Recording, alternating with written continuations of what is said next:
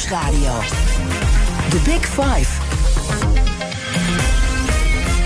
Diana Matroos. De provinciale statenverkiezingen van 15 maart zijn dit keer extra spannend. Eén, omdat de provincies cruciaal zijn voor de uitvoering van de lastige dossiers, waar Rutte 4 voor staat. En twee, omdat we indirect stemmen voor de Eerste Kamer. In BNR's Big Five van de lijsttrekkers voor de Eerste Kamer praat ik over dat politieke machtsspel met vijf kopstukken, waar weliswaar niet op gestemd kan worden, maar waar de campagne dus wel om draait. Vandaag is dat CDA-prominent uit Maastricht, Theo Bovens, lijsttrekker voor die partij voor de Eerste Kamer, en voormalig gouverneur, oftewel uh, commissaris van de Koning in Limburg. Welkom. Dankjewel, uh, Diana. Dankjewel. Dat, uh, overigens, uh, één kleine correctie. In Limburg kan men wel nog op mij stemmen. Want ik sta als lijstduwer onderaan bij het CDA. Dus dat om de rest een beetje te steunen. Ja, precies. En dat is denk ik ook wel een belangrijk punt dat je gaat maken tijdens deze uitzending. Ja, hè? Je bent de enige in de hele line-up Ja. die ook een provinciale rol heeft. Ja, in ieder geval. En, en, en ook een provinciale achtergrond vanuit uiteraard Limburg, maar ook vanuit gezamenlijke provincies. Ja. Mooi, want dan kunnen we dat ook een beetje in de spotlight zetten. Gaan we natuurlijk Ja. Eh, eh, over hebben. Maar eerst eh, twee vragen. En het eerste is: Ja. carnaval zit er natuurlijk. want als je aan Limburg denkt, dan denk je aan carnaval. Ja. Zit er net op. Hoe pittig is het dan om meteen die campagne Nou, in te is, gaan? het is pittig. Sowieso is carnaval pittig. Het is een topsport, hè, zoals dat zeker, zeker bij ons in Maastricht. En daarna meteen de campagne in. En ja, zeker als je daar dan ja, uitkomt en je hebt een, een flinke kou te pakken, dan is het opletten, niet te veel praten, niet te veel. En je moet toch af en toe wel wat spreken, want anders overtuig je geen mensen. Dus het is eh, veel eh, van die hoesbonbons. En eh, en voor de rest komen we er wel doorheen. Ja. ja. ja, hopelijk Ja. geen corona. Nee, nee, daar goed, gelukkig. Ja. Ehm, eh, eh, overigens kreeg je wel complimenten, zag ik, in de. Telegraaf. Na het eerste televisie, tele- tv-verkiezingsdebat. Debat, ja. De enige die zich een beetje fatsoenlijk uitte. De enige goede debater stond er in de kop. ja. Ehm, helpt het ook om Ja. eh, even helemaal geen alcohol te drinken na die eh, carnaval? Dat doe ik inderdaad terecht. Dat doe ik al jaren inderdaad in de vaste tijd wat minder. Eh, dat helpt. En dan helpt dus de verkoudheid ook, want dan ga je ook geen alcohol drinken. En wat, ik vond er wel een aardige compliment, omdat mijn laatste echte politieke debatten zijn al uit 1998, 25 jaar geleden, toen nog lijsttrekker was op het lokaal niveau. En je komt eigenlijk weer terug in de politieke arena, terwijl je jarenlang bestuurder bent geweest. En ja, dan zie je wel de verschillen in stijl op dit moment in de politiek en polarisatie en, en, de, en de, de gejaagdheid, et cetera. Dus ik heb me wat rustig gedragen, niet alleen vanwege de stem, maar ook eh, omdat dat volgens mij in mijn aard zit. En dat is opgevallen blijkbaar. Dus, eh, ja, en, En, en, en is dat ook echt iets waar je voor vecht in dat gepolariseerde landschap? Ja, toen ik eh, gevraagd werd om ook lijsttrekker te zijn van het CDA, toen heb ik in die zin even geaarzeld. Ik zeg, ja, ik ga niet de slangenkuil in. Ik kwam daar net uit hè, in Limburg uit zo'n slangenkuil. Dat was voor mij een reden om te, te stoppen in Limburg. Want ik wilde niet in die gepolariseerde verhoudingen blijven besturen. En er waren ook allemaal integriteitskwesties die toen Ja, die waren er dus niet. En dat is, of liever gezegd, hè, er was bestuurscultuurachtige dingen, maar geen integriteitskwestie. Maar alleen dat men heeft niet willen wachten op, dat, eh, op de onderzoeken die dat ook hebben aangetoond. Maar los daarvan, dus in die gejaagdheid eh, van dat culturele, van dat eh, politieke debat, daar wilde ik niet in zitten. En dan ga je terug de arena in en dan ga je eigenlijk naar de Eerste Kamer, waarvan je denkt, ja, daar zal dat wel een stuk minder zijn. Daar zal men argumenteren op basis van, eh, van argumenten, elkaar laten uitspreken enzovoort. En dan zit je in zo'n WNL-debat op zondagochtend. En van uitspreken en elkaar laten uitspreken was daar eigenlijk geen. Nee, ik eh, had, was- ik had moeite om er naar te kijken. Er Ja. werd echt, eh, nou ja, soms geschreeuwd. Ja, eh, en, en dat was lang niet iedereen, moet ik eerlijk zeggen. Ik wil, wil verder geen namen noemen, vind Nee, ik nee, wel een nee, beetje niet chic. Maar, maar ehm, is, het, is het dan mogelijk? Want eigenlijk, eh, we gaan straks over de provincie eh, spreken. Maar uiteindelijk weten we, eh, bij deze provinciale statenverkiezingen zijn de landelijke thema's ontzettend belangrijk. En dan zie je ook dat, dat die landelijke nou ja, bril er overheen wordt gelegd. klopt. En daar speelt ook heel erg die polarisatie. Ja. Is het dan mogelijk als je een beetje fatsoenlijk, los van de complimenten in de Telegraaf, Ja. opstelt om dan je punt te maken? Ik bedoel, het, het- is ook misschien niet sexy, misschien een beetje saai. Nee, maar het, het, het, eh, als ik dan een onderzoek lees uit Sociaal Cultureel Planbureau... dat 75% van de Nederlanders zich ergert aan die polarisatie... en zich ergert aan eh, dat gehakketak... en zich ergert aan de politieke stijl in de Tweede Kamer... en daardoor vertrouwen verliest in de politiek... dan denk ik dat uh, ik daar ook niet aan moet meedoen aan die polarisatie. En dus rustig moet blijven en gewoon onze standpunten moet, uh, moet vertellen en, en uitleggen. En dan maar hopen dat het helpt gezien als dat deze inderdaad, achtergrond. Ja, ja. en ja, ik ga dan niet meedoen aan het gekrakeel. Dat, dat is, Nee. ligt niet in mijn stijl. Nee. En dat is ook eigenlijk wat je hoort in de oproep van de CDA-lijsttrekkers van de provinciale staten vandaag ook Ja, in de Telegraaf. Telegraaf, Dat, ja. is, dat is het tweede wat ik van je wil weten. Zij doen een oproep als het gaat om het stikstofprobleem. En ze zeggen stop met die non-discussies in Den Haag. En Mhm. Dan wijzen ze ook op die polarisatie. Ja. En ga dan met boeren om tafel Gewoon zitten. aan de slag. Ja. Met de bestuurders in de regio. Juist, nou, ja. ik, hoor, ik hoor je bent het mee eens. Ja, ik had het toevallig gisteravond zien langskomen. eh. Dus ik, ik, ik wist dat dit een aantal was. Ik had de tekst nog niet gezien, maar nu vanochtend ook de tekst gezien. Maar het is precies eh, zoals ik er ook in zit. En dat gaat over niet alleen over stikstof. Dat gaat ook over de woningbouwdiscussie. Het gaat ook over de windmolens. Het gaat ook over de energietransitie. Overal moeten die processen plaatsvinden in de provincie, in de regio. En dan heb je mensen nodig die aan die tafel zitten, die dat mensen ook kunnen verbinden. Ik heb zelf als, als eh, gouverneur nog de, in 2019, 2020 de grote gebiedstafel Limburg bij elkaar geroepen. Eh, een gedeputeerde gaat dat dan vervolgens aan de slag. En ik zit daar dan bij. En dan heb ik 26 van die tabletjes voor je. Toen in die tijd hadden we nog eh, vanwege de corona allemaal die, die, die, schermen, digitale ja, die ja, schermen. ja. Eh, en dan zie je gewoon hoeveel belangen er eh, met elkaar moeten worden verenigd en, en tot, tot iets moeten leiden. Nou, dan moet je niet met de botte bijl in. Dan moet je proberen te luisteren naar mensen en te kijken waar je de verbindingen kunt leggen. En dan kom je verder. En onze stelling, en dat is ook de stelling van de, van de lijsttrekkers, is dat als je daar eh, te zeer Haagse discussies doorheen Mhm, voert, die dat eigenlijk niet, ja, die, die helpen niet. Nee, en tegelijkertijd, want, want ik denk ja, eh, ehm, eh, ik bedoel ook als we, als we kijken ehm, nou ja, naar, de, naar de opmerkingen die eerder zijn gemaakt, Ja. we moeten stoppen met eh, zenden, we moeten in gesprek eh, gaan. Eh, we moeten Luisteren. vertrouwen, Eerst, ja. luisteren eh, naar elkaar. Ehm, jouw opvolger als eh, tijdelijk commissaris Ja, Remkes. Remkes heeft dit ook uitgebreid weer aangehaald in een. eh, prima advies wat hij schreef. Wat, Ja. wat echt de, de, de, spijker op de kop sloeg als het gaat over. Ja, eh, ga in, eh, in gesprek met de boeren en ga in gesprek met iedereen overigens die belangen heeft Mhm. in dat, in dat platteland. En, en begin. Wacht niet, maar begin. Ja. Maar zorg dan wel dat de zaken duidelijk zijn waar je mee moet beginnen. En dat staat ook in dat stuk. Er zijn nog zoveel zaken onduidelijk. En ik snap wel een boer die even niet weet of hij nou moet mee moet aan een vrijwillige regeling uitkopen of niet. Omdat hij niet weet of dat staatssteun is, of dat hij niet weet wat hij daarna kan doen. Mhm. Niet weet of hij nog tien jaar op die plek kan blijven, of kan hij zijn bedrijf verplaatsen. Als je dat allemaal niet weet, ja, dan is het even stilstand. En ik begrijp alle argumenten die ik dan eh, ook Ja. dan nu hoor en ook Ja. nu van jou. En tegelijkertijd denk ik, ja, als je het gaat terugleggen in de regio, eh, bij de boeren, eh, de belangen zijn wel ontzettend duidelijk Ja. geworden, dan gaat er niets gebeuren. Nou, dat is, dat dat is volgens mij een misvatting. Bijvoorbeeld in Limburg, maar ik weet het ook van Brabant, ik weet het ook van Overijssel, zijn gebiedsprocessen ook al van voor de stikstofdiscussie van de Raad van State bezig. In Limburg bijvoorbeeld is al vanuit 2014 is al een regeling dat als je eh, eh, je rechten verkoopt eh, aan, een, aan een opvolger, cetera, dat je dan min 15% van de uitstoot doet. En dat loopt al een hele tijd. En dat is gewoon afgesproken met boerenorganisaties, et cetera. Dus daar liep al een hele hoop. En eigenlijk eh, zijn, nou, zijn we soms terug aan het ploegen op dit moment, omdat iedereen weer in de hakken in het zand zet. Maar eh, in Limburg zijn ook al heel veel boeren uitgekocht, vrijwillig, door een regeling van de provincie. Dus het is helemaal niet zo dat er nog niks gebeurd is. Het mag een tandje sneller, hè, dat is wat eh, natuurlijk in het kabinet ook is afgesproken. Want we We hebben moeten- natuurlijk die doelstelling. de voor doelstellingen moeten we halen 2030. en dan moet een tandje bij enzovoort. Maar dat betekent niet dat je je methode moet veranderen van het overleg aan de tafels. Maar als het overleg aan de tafels wel dingen in beweging brengt, maar het gaat gewoon te langzaam, dan moet je natuurlijk als landelijke overheid op een gegeven moment ook zeggen: Pats, we gaan het gewoon doen. Ja, als, Zoek het als dat sneller zou zijn. Maar als dat betekent dat mensen dan vervolgens in de juridische strijd gaan zitten, dan gaat het dus nog langer duren. Een, een, een normaal gebiedsproces duurt 10 jaar. En als je dat juridiseert, duurt het 16 jaar. Nou, en dan zijn we in 2035. The Big Five.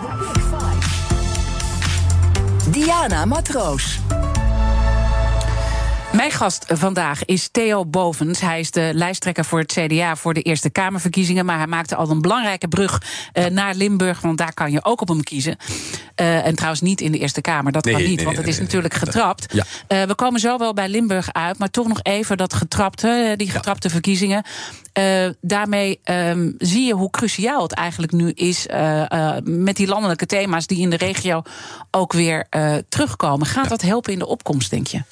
Uh, ik ben bang van niet, omdat het vertrouwen in de politiek op dit moment niet, uh, niet hoog is. Uh, en door daar nog steeds meer landelijke verkiezingen van te maken, is maar de vraag of dat de opkomst verhoogt. er zijn partijen die, die maken reclame van stem op ons, dan stemmen wij het kabinet weg. Nou ja, dat gaat de Eerste Kamer nooit doen. Dus een, kabinet, een Eerste Kamer stemt geen kabinet mm -hmm. weg. Dus uh, ik denk dat dat het vertrouwen niet helpt. En uh, ik denk dat problemen van mensen uh, dicht bij huis. en dat zijn overigens ook de landelijke problemen zoals stikstof, wonen, asiel en dat soort dingen. Die komen ook voor een deel in de provincies terecht. Dat je daarop zou moeten kiezen en daarop je stem zou moeten bepalen. En die getrapte verkiezing, ja, dat is volstrekt helder. Maar het mag nooit het argument zijn, want dat is maar één dag in het jaar dat de provinciale staten mogen stemmen voor een Eerste Kamer. Dat is op 30 mei. En daarna moeten ze nog vier jaar die provincie besturen. Mm -hmm. Dus dat is toch het belangrijkste waarvoor je de mensen kiest. Niet voor dat ene stemmetje op 30 mei.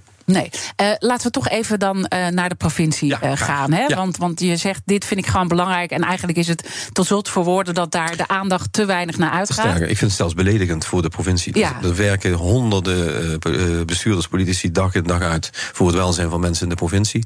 En eigenlijk worden de verkiezingen gekaapt door ja, een tweestrijd op links of rechts. Of stemt de regering weg of andere dingen die daar allemaal niks mee te maken hebben. Dus pensioen, ja, pensioenwetgeving. Ja, pensioen, oké, okay, maar die, die is best wel redelijk op de achtergrond. Nee, thema's die ook provinciaal spelen. Ruimtelijke thema's spelen ah, ja, ook provinciaal. Als je, als je Zeker. precies, zeker. ik bedoel, als je het hebt over asiel, zeker. als je het hebt over ja, wonen, nee, als je het hebt over stikstof. Zijn dat verbindingen? is, is stikstof ook het belangrijkste voor jullie in de provincie Limburg?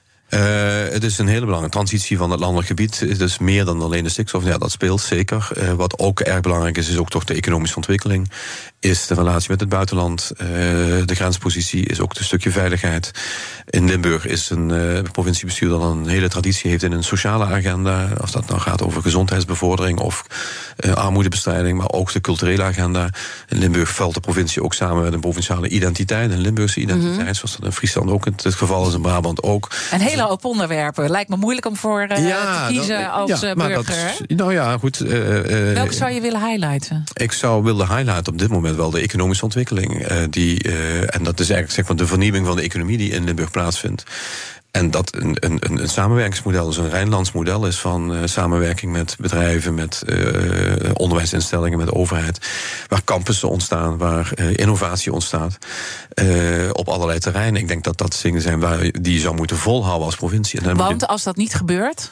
Ja, dan, dan, ga je te, dan heb je geen eigen regie op je economische ontwikkeling in je provincie. En dan ben je afhankelijk van hele internationale ontwikkelingen. En we hebben in Limburg gezien dat die dan erger neerslaan in, in een provincie als Limburg dan, dan elders in het land. Dus je moet zoveel mogelijk je eigen regie kiezen. En dat, dat doen ze in Limburg. Dat is dus een hele uh, belangrijke. Ja. Toch uh, kunnen we niet om dat stikstofverhaal nee, heen. Hè? Ik bedoel, absoluut, dat is gewoon absoluut, dat is voor elke zeker provincie belangrijk. En ja, voor jullie ook. Maar daar zit bijvoorbeeld die grensligging ook in, speelt dan een rol. Hè. Ik, ik, kom zelf uit Maastricht. Een van de natuurgebieden ligt ten zuiden van Maastricht. Daar komt, uh, ik denk 99% van de stikstof komt uit Luik. dus je zult ook iets met de Belgen moeten doen. Ik heb gesproken met de, met de Vlaamse minister van Landbouw, die toevallig een Limburger is van de andere kant van de grens. Uh, je ziet wat ze daar in Vlaanderen aan het doen zijn om de stikstof op naar te brengen. Dat is voor 40 tot 60 procent van invloed op het Limburgse stikstofprobleem. Dus je moet ook ja, je relatie met je buren is ook een thema. En uh, geen, geen hekken rond Nederland zetten. Nee, over de grens samenwerken. Ja, en, en, en dat is dus eigenlijk ook uh, misschien ook al een probleem uh, wat je aankaart als het gaat over de landelijke aanpak. Juist. En de landelijke invloed op dit thema. Dan zie je al dat hij hier al misgaat. Dan gaat hij daar al voor een deel mis. En de gebiedsgerichte aanpak is, is, is echt noodzakelijk. En dan gaat het ook over personen. Dan gaat het ook over mensen die A, weten waar het over gaat. Die mensen ook kennen en die in staat zijn om met een hele, hele gerichte agenda uh, mensen te verbinden. En uh, ja, als je dan, uh, wat ik al zeg, met polariserende teksten komt en de mensen niet aan tafel krijgt, dat is niet goed. Dus het gaat ook over de stijl die je hebt, laat ik ja, zo zeggen. Ja, ja. Het is niet alleen de inhoud. Oké, maar laten, we, laten we nou eens met die boeren om uh, tafel gaan. Want we zijn natuurlijk al heel lang met ze om tafel. Laten we dat ook. En dan kan je zeggen, de stijl is niet goed. En, maar, je, maar, maar je ziet ook, en gisteren sprak ik daar ook over met Nico Kofferman. hij is de lijsttrekker voor de Partij voor de Dieren in de Eerste Kamer.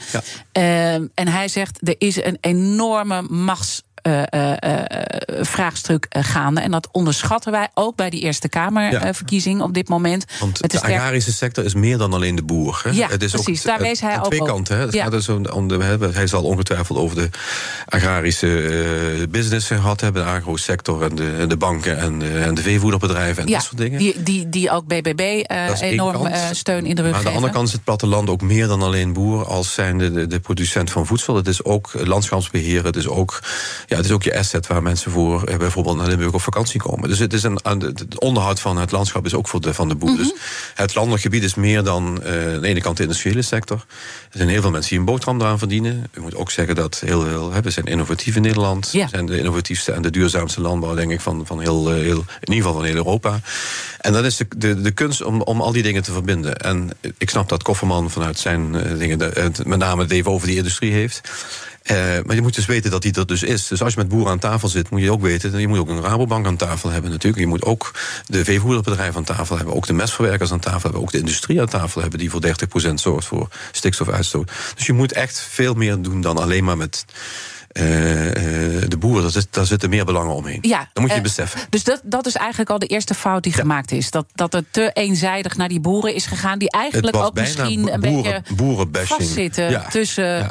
Hè, want die boeren hebben het ook denk ik minder slecht dan dat ze misschien uh, framen in de hele discussie. Nou, 25% van de boeren leeft onder de armoedegrens. Dus dat is ook zo'n zo'n punt van. Er zijn natuurlijk hele, hele rijke boeren, helder. Ja, maar er zijn ook heel met, veel. Met name in grondbezit dan. Ja, en, en, dus dan, dan, uh, en als je dus qua inkomen gewoon onder de armoedegrens leeft, ja, dan is het ook heel uh, ja, zeg maar, gemakkelijk om te zeggen van nou, we lossen het die en die manier wel op. We willen toch naar een vitaal platteland waar ook een boerensector is, mm -hmm. de agrarische sector, die gewoon nog een zo'n geld verdienen. we dan wel de boel in beweging? Hè? We houden het eventjes bij Perspectief. Limburg. Perspectief. Ik zag vandaag ook in de krant dat uh, het, het landbouwakkoord... wat uh, gesloten moet worden met de landbouwsector... dat dat stroef loopt. Ja. En dat heeft ermee te maken. De boer wil weten wat hij, als, als hij de ene niet meer mag, wat hij dan wel mag. Uh, en daar moeten we perspectief voor bieden. En dat is, uh, naar mijn smaak, wat aan die tafels gebeurt. Maar wat moeten we met die enorme machtsfactor die je ook beschrijft? Hè, van die grote agro-industrie die erachter Ja, zit, de die zal- veevoerders, eh, die je zegt, die moet je ook meenemen. Want die, eh, eh, als Die ik zullen Nico Kofferman Die, die zullen ook, afga... die zullen inderdaad mee moeten. Eh, een Rabobank zal ook die, die transitie mee moeten financieren. En eh, eh, veevoerbedrijven, als het om omvang gaat, is de ene kant. Maar daar kan ook de innovatie komen van een ander type veevoer. Daar kan ook de innovatie komen van een ander type mestverwerking. Dus je zult die, ook die bedrijven eh, mee eh, moeten reguleren en, en, en aan moeten zetten tot, tot meedoen in de verandering. En dat is denk ik mooi om misschien de kettingvraag bij Ja, te pakken. Want pak even eh, de Nico Kofferman eh, is al een paar keer eh, ja, gevallen. eh, eh, van de Partij Aardige man de Dieren. dus we daar even op zetten. Ja. Kijk, Ja. goed. Ja. Dan horen we straks wel eh, Ja. eh, wat je er verder nog eh, Mhm. eh, van vindt. Maar Nico had deze vraag voor jou. Luister maar. Bij het afscheid van Kees Veerman, minister van Landbouw van het CDA, zei Kees Veerman: Het hele systeem is vastgelopen. Wij exporteren enorme hoeveelheden zuivel en vlees. We importeren enorme hoeveelheden veevoer uit voormalig regenwoud. En met de rotzooi, 80 miljard kilo mest, blijven wij zitten. 80 miljard kilo mest, dat is 40 badkuip per Nederlander. Ja, wat moet je met al die mest? En dan is de vraag: als Kees Veerman dat in 2007 al vond, wat heeft het CDA daar met die wijsheid inmiddels gedaan? En wat gaat het CDA eraan doen? Ik zie eh, tijdens het luisteren een, eh, een smalend lachje. Nee, helemaal, nee is, en, en, en zelfs een, misschien wel een goedkeurend uh, lachje. Ja. Want hij haalt toch eh, een van de kopstukken van het CDA aan, Kees Veerman. Die overigens volgens mij ook dat dat met hele wijze woorden sprak in 2007. Eh, alleen de, de veronderstelling dat er daarna niks gebeurd is, is niet, eh, denk ik niet helemaal correct. Zeker niet als je kijkt naar de landbouwvisie van het CDA van Dirk Boswijk 2021. Van gewoon het perspectief voor de landbouw wordt geschetst. Maar ook het voorbeeld wat ik al noemde, waar we vanaf 2014 al in regio's mee bezig zijn. Nee, maar hij wijst ook op die enorme rotzooi en mest Maar waar de we nog steeds mee zitten, toch? mestproblematiek is een Ja. eh, zeker. En, en, en, en, en er zijn heel veel eh, foute dingen gebeurd als het gaat over eh, zelfs criminele dingen, van mestboekhoudingen tot aan. Hè. Er zijn pas ook veroordelingen op dat terrein geweest. Maar in het kader van het verwerken van mest zijn ook wel weer hele grote innovatieve stappen gezet. Maar eh, eh, hij heeft gelijk. Er zijn waarschuwingen, denk ik, in 2007, waar we eh, te, te lang mee hebben gedaan. Van ja, dat, dat lost zich allemaal al vanzelf op. Wij moeten tandje bij zet. Dat is niet voor niks dat de Raad van State op een gegeven moment ook de vinger opsteekt. Dat Europa de vinger opsteekt enzovoort. Uh, dus daar waar wij de hand in eigen boezem moeten steken, steken we dat. Maar ik ga er wel vanuit dat uh, waar we toch de, de, de, de, visie van het CDA, zoals we die nu uh, propageren, zoals we met het land bezig zijn, dat dat wel de weg naar buiten is en de weg ja, naar maar een vitale landbouw. Maar dan heb ik nog niet echt het gevoel, hoe gaat het dan nu wel veranderen? Ja, het, het, als wij de, uh, de doelstellingen zoals we die nu hebben geformuleerd... Als je de, en, de werkwijze zoals we die kiezen... dat is volgens mij de enige weg uh, die tot Maar welk punt bedoelt u dan precies? Bedoel, wel, welk punt bedoel je dan precies? Ja, de, de, de gebiedsgerichte aanpak, de aanpak uh, aan, de, aan de gebiedsgerichte tafels in de provincies... het, het, het meenemen zeg maar, van de hele sector... en het transformeren van die sector naar een vitale landbouw. Het heeft geen maar enkele... wat is dan het punt waarmee... Ja. want we hebben het ook over dat stikstof ja. gehad... en dit, dit speelt daar dan ook ook weer allemaal als onderdeel van. En ik snap het punt dat je zegt met iedereen om tafel. Want anders gaat het gewoon. Dan gaat er nou, onderhands gaat er van alles gebeuren en dan gaat de macht op een andere manier. Je moet naar een landbouw die, uh, die aan de ene kant vitaal is en mm. mensen een boterham biedt. Ja. Aan de andere kant het milieu uh, en de natuur uh, gezond houdt. en op, op die manier, ja, zeg maar, in, in die innovatieslag, en ik geloof dat die combi mogelijk is, mm -hmm. moet je de partijen. Maar uiteindelijk moet het toch zijn, want dat is natuurlijk het grote nou ja, vraagstuk waar we ook met z'n allen in vastzitten. Niet alleen op dit dossier. Uiteindelijk betekent het ook een stapje terug doen als het gaat om heel erg veel geld wat hierin uh, wordt verdiend. Uh, de, dat, dat, dat, is misschien wel de pijnlijke conclusie die we moeten trekken. Of dat nodig is. Want okay. als, als, dat betekent dat. Uh, kijk, er zijn twee, er zijn, zijn twee stromen. Er zijn mensen die zeggen: het aantal dieren moet bijvoorbeeld omlaag. Uh, dan gaat de omzet als zodanig omlaag. Dat is maar de vraag. Dat heeft ook te maken met de prijzen die betaald worden voor het voedsel. Als de prijzen uh, te laag zijn in de supermarkt en daardoor de boer bijna niet kan verdienen en daardoor alleen door schaalvergroting dingen kan bereiken. Ja, want dat is dan ook waar een bankje op aanspreekt. Hè? Je en moet schaal dus er zijn meer knoppen waar je aan kunt draaien. Als je kunt zeggen van het voedsel levert de boer meer op en dan blijft minder in de keten hangen enzovoort. Dan kan de boer ook andere manieren van productie doen. En dan kan hij misschien ook met minder dieren terecht en, en toch evenveel geld verdienen. Ja, ja. laten dat we daar zaken, zo meteen over zijn, uh, uh, verder praten. Want we krijgen wat aanwijzingen. We moeten inderdaad oh, even afronden. Ja. uh, mijn gast Theo Bovens, lijsttrekker voor het CDA voor de Eerste Kamerverkiezing, maar ook te kiezen in Limburg. Daarover praat ik zo meteen verder. Ook over zijn partij, die het toch best lastig heeft.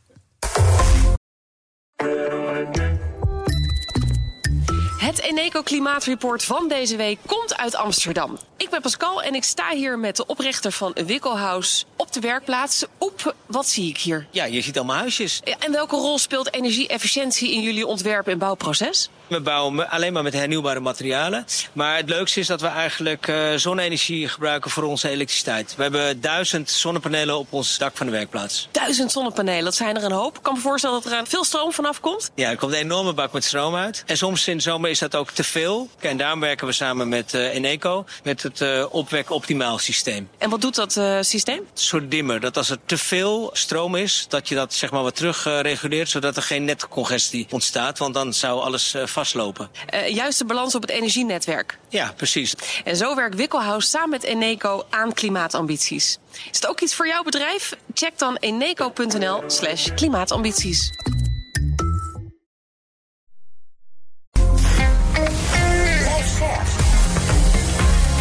BNR Nieuwsradio. The Big Five. Diana Matroos. Welkom bij tweede half uur. Deze week spreek ik vijf lijsttrekkers voor de Eerste Kamerverkiezingen. Waarom? Omdat zij uh, nou ja, uiteindelijk ook heel erg belangrijk zijn... vanwege die getrapte verkiezingen met de Provinciale Staten. Eerder deze week uh, sprak ik met VVD-kopstuk Edith Schippers daarover... en ook over het grote gevaar voor links dat zij zien... Dit gesprek is terug te luisteren via onze BNR-app. Mijn gast vandaag is Theo Bovens. Hij is lijsttrekker van het CDA voor de Eerste Kamerverkiezingen. En daar kunnen we niet uh, direct op hem stemmen, maar uh, wel in uh, Limburg, waar hij ook gouverneur is geweest. Komend half uur wil ik in ieder geval nog twee onderwerpen met ja. je bespreken. een vooruitblik op de verkiezingsuitslag ja. en ook de worstelingen van het CDA. Mm -hmm. En laten we met het laatste beginnen. Ja. Um, want ja, ik bedoel, het is fact of life. Uh, dat CDA worstelt. Hoe zou jij die worsteling omschrijven? Uh, voor een deel is die achter de rug. Maar dat is. Uh, we hebben natuurlijk een worsteling gehad rond interne problemen gehad, zeg maar, tussen 2019 en, uh, en, een jaar geleden. Pieter Omzicht, alles wat daar wat gebeurde is enzovoort. En dat heeft geleid tot ja, toch ook wel een aantal veel mensen die, die het CDA daarin niet meer zitten. Dus we zijn het voor een deel zelf schuld. En de laatste mm-hmm. verkiezingen hebben we verloren, zeggen we altijd van onszelf. Als ik nu kijk naar de staat van de partij en ik kijk nu hoe partijen met elkaar omgaan, hoe we nu uh, de, in de campagnes bezig zijn dan moet ik eerlijkheidshalve zeggen, dan, dan is dat een verademing. Dat is een geweldige, uh, gemotiveerde uh, ploeg die aan de slag is. Uh, daar is ik, ik merk van enige wrijving helemaal niks. Mm -hmm. Maar ja, dat moet je dus ook weer overbrengen. Je moet dus mensen weer terughalen bij het CDA die, die we verloren zijn. Ja, en, en komt het in die zin te vroeg als we naar de peilingen kijken? Jullie staan op ja, vijf zetels. Dus het is echt iets waar je een paar jaar aan moet werken. ik denk dat de omslag zo zeg, voorjaar, verleden jaar, dus ongeveer een jaar geleden is gemaakt en daar de weg teruggevonden is. En de peilingen zeggen altijd, dat is maar hoe je daarnaar kijkt. Uh, we zijn tussen die van Maurice de Hond en van de, van de NPO zijn we alweer eentje gestegen. Dus het gaat iedere keer wel. Maar, maar, aan de andere kant. Maar het is toch moeilijk. Ik bedoel, jullie waren natuurlijk de echte machtspartij en nu vijf zetels. En het voelt ook in die zin jammer dat. Het moet pijnlijk zijn. Het is pijnlijk, met name voor al die mensen die in de afgelopen vier jaar bijvoorbeeld in die provincies keihard hebben gewerkt. Die in eh, elf van de twaalf provincies ook in het bestuur hebben gezeten. En die worden misschien dadelijk uh, afgerekend op een iets wat al twee jaar geleden gebeurd is in, het, in de partij. En eigenlijk niks te maken heeft met de, de, de, de, de prestaties die ze hebben geleverd. En we blijven een partij die in, uh, radicaal in het midden staat. We blijven een partij die, uh, die mm -hmm. probeert mee te besturen. En uh, ja, ik, ik, het, het, meest vervelende voor het gevoel van mensen is, is dat ze straks weer de kastanjes uit het vuur moeten halen terwijl we een stuk kleiner zijn. Dus ik denk dat het goed is dat de kiezer goed nadenkt over de stem. En met name gaat stemmen op partijen die continuïteit kunnen bieden. Ja. En die ook, uh, ja... Uh, de redelijke middenpartij, dat is eigenlijk... en die verbindende ja, rol bijna die zeggen, wil dat was een term die vroeger D66 gebruikte... maar wij zijn inderdaad uh, zo langzamerhand een van de weinige partijen nog in het midden.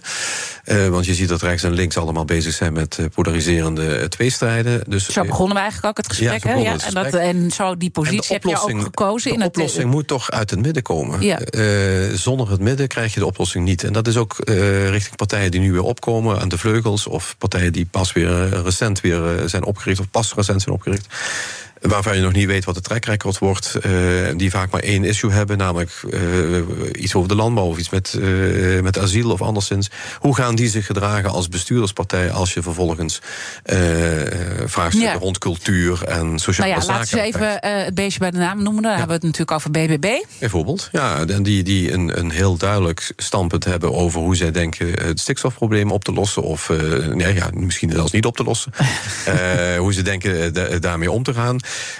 Ja, die zitten dadelijk ook aan tafel. Maar wat betekent dat dan uh, als het beleid moet worden uitgevoerd van het kabinet? Dus dat betekent dat een kabinetscrisis, betekent dat weer een jaar stilstand betekent. Dat gaat hem dus niet worden. Mm -hmm. Dus ook zij zullen. Want Nico Kofferman zei, uh, die sprak zijn angst uit op ja. het moment dat uh, BBB aan de macht zal komen, of in ieder geval in de coalities gaat komen, dan gaat dat hele stikstof gaat gewoon lamgelegd worden. Dat gaat gewoon niet gebeuren. Ja, dat, dat, dat risico wordt in ieder geval gelopen. In ieder geval zal BBB daar alles aan doen om het zo te, te, te laten gebeuren. En de vraag is of de stilstand ons in Nederland helpt. Ik denk dat dat Nederland het probleem niet, niet vermindert. En zeker mm -hmm. niet als je het administratief wegredeneert, zoals BBB voor een deel mm -hmm. nu aan het doen is. Dus maar het CDA denk... gaat natuurlijk ook op de rem hè, als het over dat stikstof uh, ja, gaat. En ook 2030, nee, dat is niet heilig CDA, voor jullie? Nee, dat is niet heilig. Maar onze doelstellingen hebben we wel uh, mee onderschreven. En wij, wij, staan daar ook voor. En dat mm -hmm. is ik, maar inderdaad, het getal 2030 is niet helder. En de weg er naartoe is de weg van overleg. En uh, de eikpunten van Remkes zijn ook onze eikpunten. wij kijken gewoon hoe ver we zijn in 25 en in 27. Maar we beginnen wel vandaag. En we vragen wel ja. aan het kabinet, wees duidelijk op allerlei terreinen. En eigenlijk zeg je, we hebben meer onze weg hierin gevonden. En ja. we zijn meer uh, samen. Maar het, het, het komt het natuurlijk te, van overbrengen. te laat. Ja, we moeten het laat, overbrengen eigenlijk. aan de kiezer. En daar doen we ons stinkende best voor. Daar doen de, de campagneteams ja. in de regio stinkende best voor. En ik roep echt mensen op, uh, verdiep je eens even gewoon in de standpunten van, uh, van het CDA en in jouw eigen provincie. En dan zul je zien dat de transitie van, de, van de, het landelijk gebied, dat dat daar heel realistisch in wordt beschreven. En dan heb je de BBB helemaal niet nodig. En ik begrijp dat je dat uh, zegt, maar ja, tegelijkertijd nou ja, is het heel Nou, moeilijk ik- natuurlijk ik in deze korte Ik geloof er tijd. zelfs nog in. dus ja, dat toch wel? Want ja, ik ja, ja, proef, ik toch ook wel van, ja. weet je, het komt allemaal net een beetje te laat natuurlijk. Eh, Als je naar de peilingen al kijkt. Ik bedoel, dat gaat niet in één Ja, keer. maar ja, het kan, hè? Soms, soms kan er één peilingen, keer ja, we gaan de, soort... we gaan de eh, peilingen verslaan, denk ik. Want, want nogmaals, we hebben nog twee, eh, twee volle weken. Ja. Eh, maar eh, nogmaals, we gaan zeker de peilingen verslaan. En ik weet niet wat de, de grote groep zwevende kiezers doet, die, eh, die er ook nog altijd Mm. is. Ik geloof nog altijd, altijd nog meer dan 50% op dit moment. Wat erg veel is, twee weken voor een verkiezing. Eh, waar die uiteindelijk voor gaan kiezen. En kiezen ze dan toch voor betrouwbaarheid? Kiezen ze dan toch voor eh, een fatsoenlijke politiek? Mhm. Een antipolarisatie? Of kiezen ze voor de hakken in het zand en zeg maar het, het, het, het Nederland van de tegenstelling? Ja, ik snap eh, eh, de lijn. Ehm, en hoe fatsoenlijk is het dan? En die lijn kies Ja. jij ook in, in, in de debatten. Hè? En daar Ja. krijg je ook de complimenten voor. Ehm, maar hoe fatsoenlijk is het dat er in Limburg eh CDA's onder een andere vlag meedoen aan de waterschapsverkiezingen? Dat om zo andere- de machtspositie Dat doen andere partijen ook. Dat is niet in alleen de CDA. provincie te consolideren. Dat doen andere partijen ook. Dus het is niet alleen een CDA-zaak. En het is overigens niet het CDA die deelneemt aan die verkiezingen. Het- De partij Waterbelang. Nou, Wim Kuik had er wel kritische eh, woorden over. Over Ja, deze hele constructie. ik- dus je kan nu naar andere Ja, nee, eh, dat doen meerdere partijen Ja. hebben dat, eh, doen niet mee als politieke partij aan de waterschapsverkiezingen. Mm. In Limburg in ieder geval niet. Omdat men in Limburg al van oudsher, ook in de waterschapsbesturen, heeft samengewerkt met andere mensen die geen lid waren van het CDA. Mhm. En daar is waterbelang uit ontstaan in een aantal dingen waar inderdaad CDA's in zitten. Ook leden van het CDA, maar ook heel veel niet-leden van het CDA die wel in die waterschappen actief waren. En die je niet kunt verplichten allemaal lid te worden van het CDA. Zo is het ontstaan. En eh, zo werkt het nog steeds. Maar de constructie achter de schermen is natuurlijk wel dat het uiteindelijk het gewoon het CDA is. Bij de laatste waterschapsverkiezing in 2019 haalde het CDA via negen lijsten 65% van de stemmen op. En als je dan. eh, eh, En dat is veel meer dan het CDA bij de provinciale statenverkiezingen zelf had. Met Ja, andere woorden, als- 18,7. dus er zijn heel veel mensen die niet op het CDA stemmen, maar wel op deze lijst Mhm. Waterbelang. Omdat Waterbelang een partij is die ook eigenlijk eh, die ook samenwerkt met heel veel mensen in de natuurorganisaties, in de, in de eh, eh, natuurbeherende organisaties, et cetera. Dus heel veel mensen die eh, met water te maken hebben. Die niet lid zijn van het CDA, zijn wel actief in waterbelang. En, ja. eh, maar het gaat natuurlijk over de, de, de transparantie over de constructie. Hè? Moet je dat niet gewoon. Als, Ja, het, en- als je het fatsoenlijk bent, moet je dat misschien transparanter maken. Nou, dat was een beetje mijn stelling. de, de, de- het is, het is, er is geen enkele geheimzinnigheid over. En, en het is een constructie die eh, al, al, al, al bestaat. Trouwens, het is helemaal geen constructie. Het waterbelang bestaat al een hele tijd. Ja. En eh, de andere partijen doen ook niet onder hun eigen naam. Of zeg maar, die, sluiten deals met natuurorganisaties of met milieuorganisaties. En doen op die manier mee. Ja, dat kan ook. Ja. Spelen ergens de, de integriteitsproblemen waar we eerder over spraken? Want je zegt dat zijn niet eh, integriteitsproblemen. Nou, het want wordt, het wordt geframed alsof er grote integriteitsaffaires in Limburg waren. Die eh, door allerlei onderzoeken daarna ook zijn uitgekomen dat, dat dat niet het geval is. Die beeldvorming die is er zeker. En dat Mhm. we niet voor weg. En dat is ook de reden eh, waarom er crisis is ontstaan in het, in het Limburgs. ja, en ook waarom je bent weggegaan En als gouverneur. omdat ik Ja. denk van ja, in die ja, constellatie van, ik zeg maar even van, van die slangenkuil zoals die daar ontstond, die cocktail van dingen, daar kan ik niet in, in, in Mhm. functioneren, zo ben ik niet. Ehm, maar eh, dat, dat eh, ja, ik wil zo zeggen, dat, dat speelt bij deze eh waterbelangen allemaal geen enkele rol. Dat Nee, is, nee, maar het helpt natuurlijk niet voor het CDA in Limburg ook dit soort verhalen om dan in Limburg Ja. heel groot te worden. Kijk even waar de verhalen iedere keer vandaan komen, zegt even bij. Het zijn altijd uit dezelfde richting komen die verhalen. Mensen die het CDA willen neerzetten als een partij die op de een of andere manier in een bestuurscultuur discussie terecht wie komt het dan vandaan? Nou ja, ik weet niet. De verhalen van Waterbelang kwamen volgens mij weer uit een een bepaalde krant in het, in het westen van het land. Maar die weer alleen het CDA als voorbeeld pakte en niet de andere. Dus Ja. dat vind ik een, een, dat vind ik geen manier van eh, eh, constructief zijn naar deze zaken kijken. Nogmaals, het CDA doet mee aan de provinciale statenverkiezingen. Waterbelang, waar ook CDA's in zitten, maar ook heel veel andere mensen, die doen mee aan de waterschapsverkiezingen. Bij BNR ben je altijd als eerste op de hoogte van het laatste nieuws. Luister dagelijks live via internet. Jelle Maasbach. Wesley Weert. We zijn er voor je met het leukste, opvallendste, maar natuurlijk ook het belangrijkste nieuws. Tijdens de presentatie van die halfjaarcijfers toen die beurskoers in elkaar kukkelde. BNR Beurs. Voor de slimme belegger. Blijf scherp en mis niets. BNR Nieuwsradio. The Big Five. Diana Matroos. Je luistert naar BNR's Big Five van de lijsttrekkers voor de Eerste Kamer. Mijn gast vandaag is Theo Bovens, lijsttrekker van het CDA voor de Eerste Kamerverkiezingen. Uh, we spraken over, nou ja, toch ook wel uh, jullie moeilijke positie uh, op dit moment. Mm. En dat het wel, op, wel goed voelt waar jullie nu staan. Maar ja, misschien komt het allemaal een beetje te laat. Ehm, is het niet ook tijd voor een andere leider van het CDA? Bob Koekstra? Nee, nee, ik bedoel, uh, ik heb hem meegemaakt nu in een aantal uh, bezoeken, ook in de rest van het land. En dat, dat gaat uitstekend. Uh, hij komt ook van de positie vanuit de discussie die we hè, een jaar geleden gehad hebben. En hij moet in die zin zijn positie ook verwerven. En daar is hij volop mee bezig. En ik merk dat hij dat uitstekend doet. En, maar hij is er wel heel lang mee bezig, toch? Nee, ik bedoel, de, ik ben bij de laatste twee congressen van het CDA geweest. En, daar de sfeer geproefd heeft bij het CDA dat, dan is dat een. Uh, ja, ja. Ik zeggen de. Nee, de, uh, kijk, het CDA, als het CDA. Uh, net zoals we verloren hebben van onszelf bij de vorige verkiezingen, mm. gaan we nu winnen van onszelf doordat er op dit moment echt gewoon eenheid in dat CDA is. En ik, ik, ik proef dat. En dat. Uh, dus ja, en, en Wopke leidt die, uh, die, die partij. En waar proef je, waar proef je uh, dat aan? Want het is natuurlijk een heel mooi moment als de partij daar ergens staat. Maar neem, neem ons mee, waar proef je het aan? Ik proef dat in de sfeer. Kijk, uh, in zo'n campagne is dat is altijd een uitvergroting van, van een sfeer in een partij. Komen mensen überhaupt meehelpen? hangen ze de vlaggen uit? Plak, plakken ze de affiches mee? Enzovoort. Ja. Hoeveel mensen krijg je op de been? Hoeveel mensen komen naar een congres, verkiezingscongres enzovoort? En dan zie ik dat wij de afgelopen jaar dat alleen maar een stijgende lijn. Uh, het enthousiasme wat er in de, in de, provinciale campagne is, wat, eigenlijk, wat je eigenlijk alleen maar verwacht bij gemeenteraadsverkiezingen. Want dan zijn er altijd heel veel mensen naar de provinciale statenverkiezingen gaan op dit moment als een trein. En, al die, uh, en dat, uh, dat is, is een, een, hele optimistische sfeer. En, en, ja, dat die peilingen op dit moment ons nog niet volledig comfort geven, zou ik bijna zeggen. Maar ik ben optimistisch. We gaan gewoon. Wat, die, wat verwacht je? Durf je Ik ga nog steeds uit van negen zetels zoals we ze nu hebben in de Eerste Kamer. En ik heb er ook redenen voor, omdat ik denk dat een deel van de zwevende kiezer die, uh, die is weggegaan bij het CDA vanwege interne dingen de afgelopen jaar.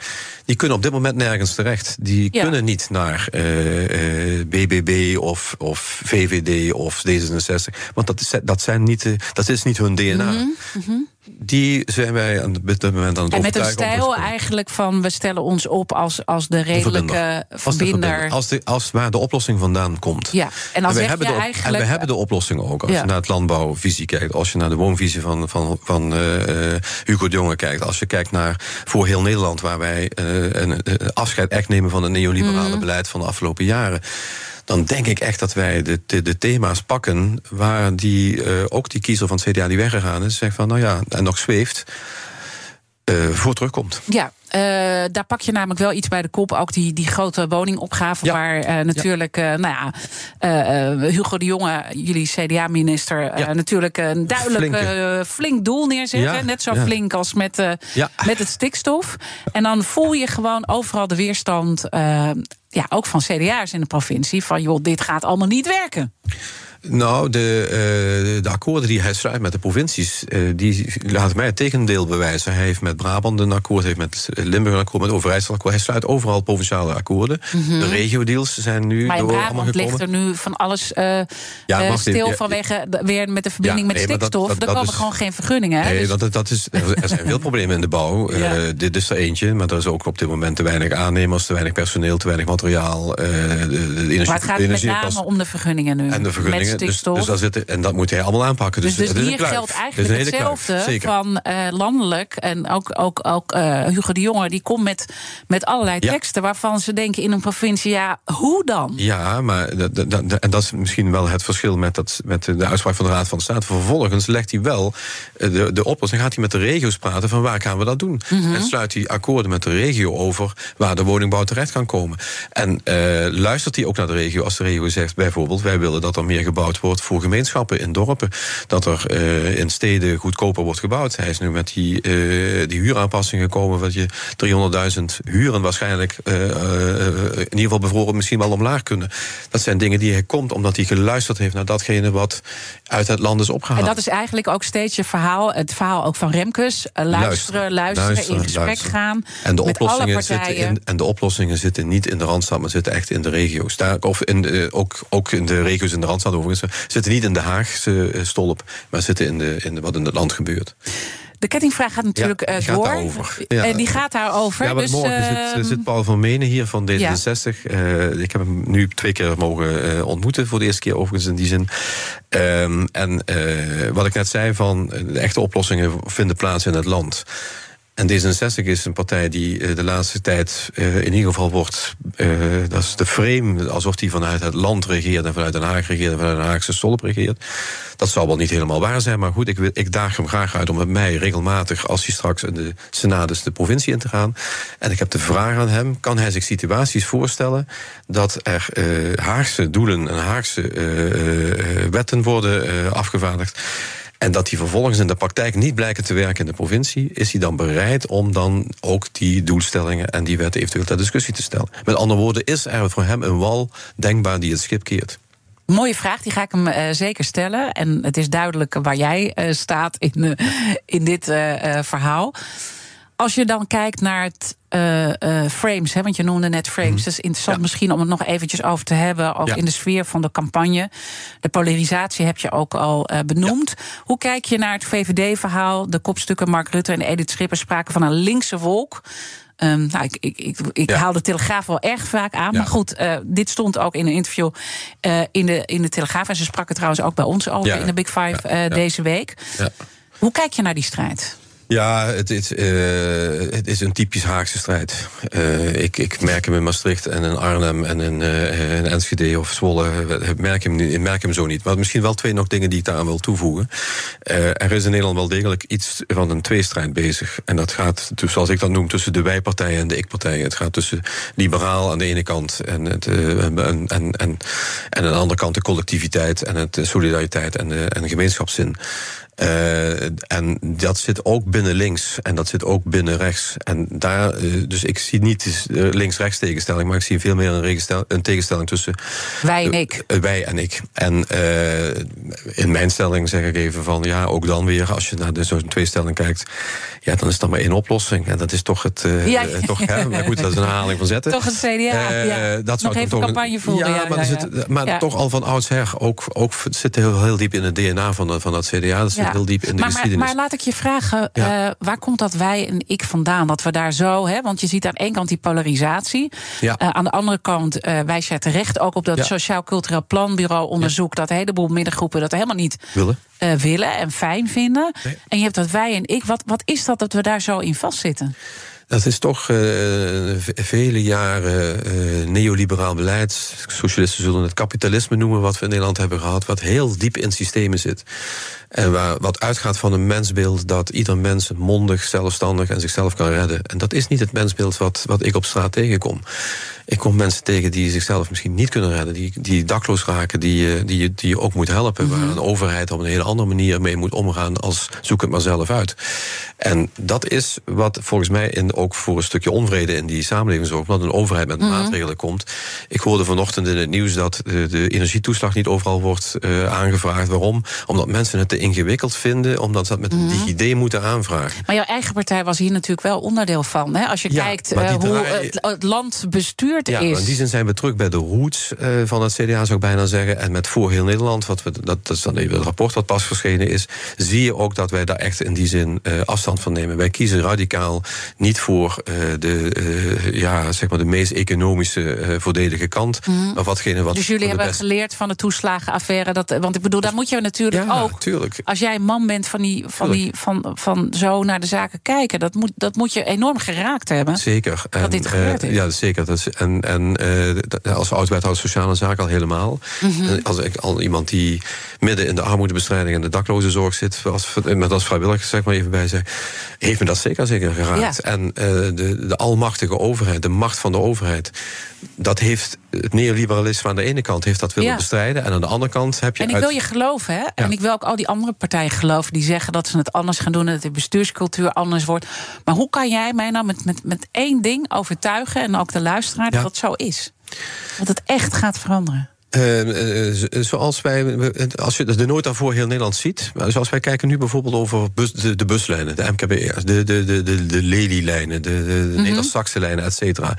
Als je die wil aanleggen, en dat is goed voor het land, dan als je daar een, een, een- een, kostenbatenanalyse over doet, dan, dan leg je ze niet aan, dan leg je namelijk eh, spoorlijnen in het westen aan, dan leg je metrolijnen in Amsterdam aan enzovoort, want die zijn economisch gunstiger dat het CDA toch kiest voor eh, spoorlijnen in de, in de randen van het land. En toch kiest voor openbaar vervoer elders.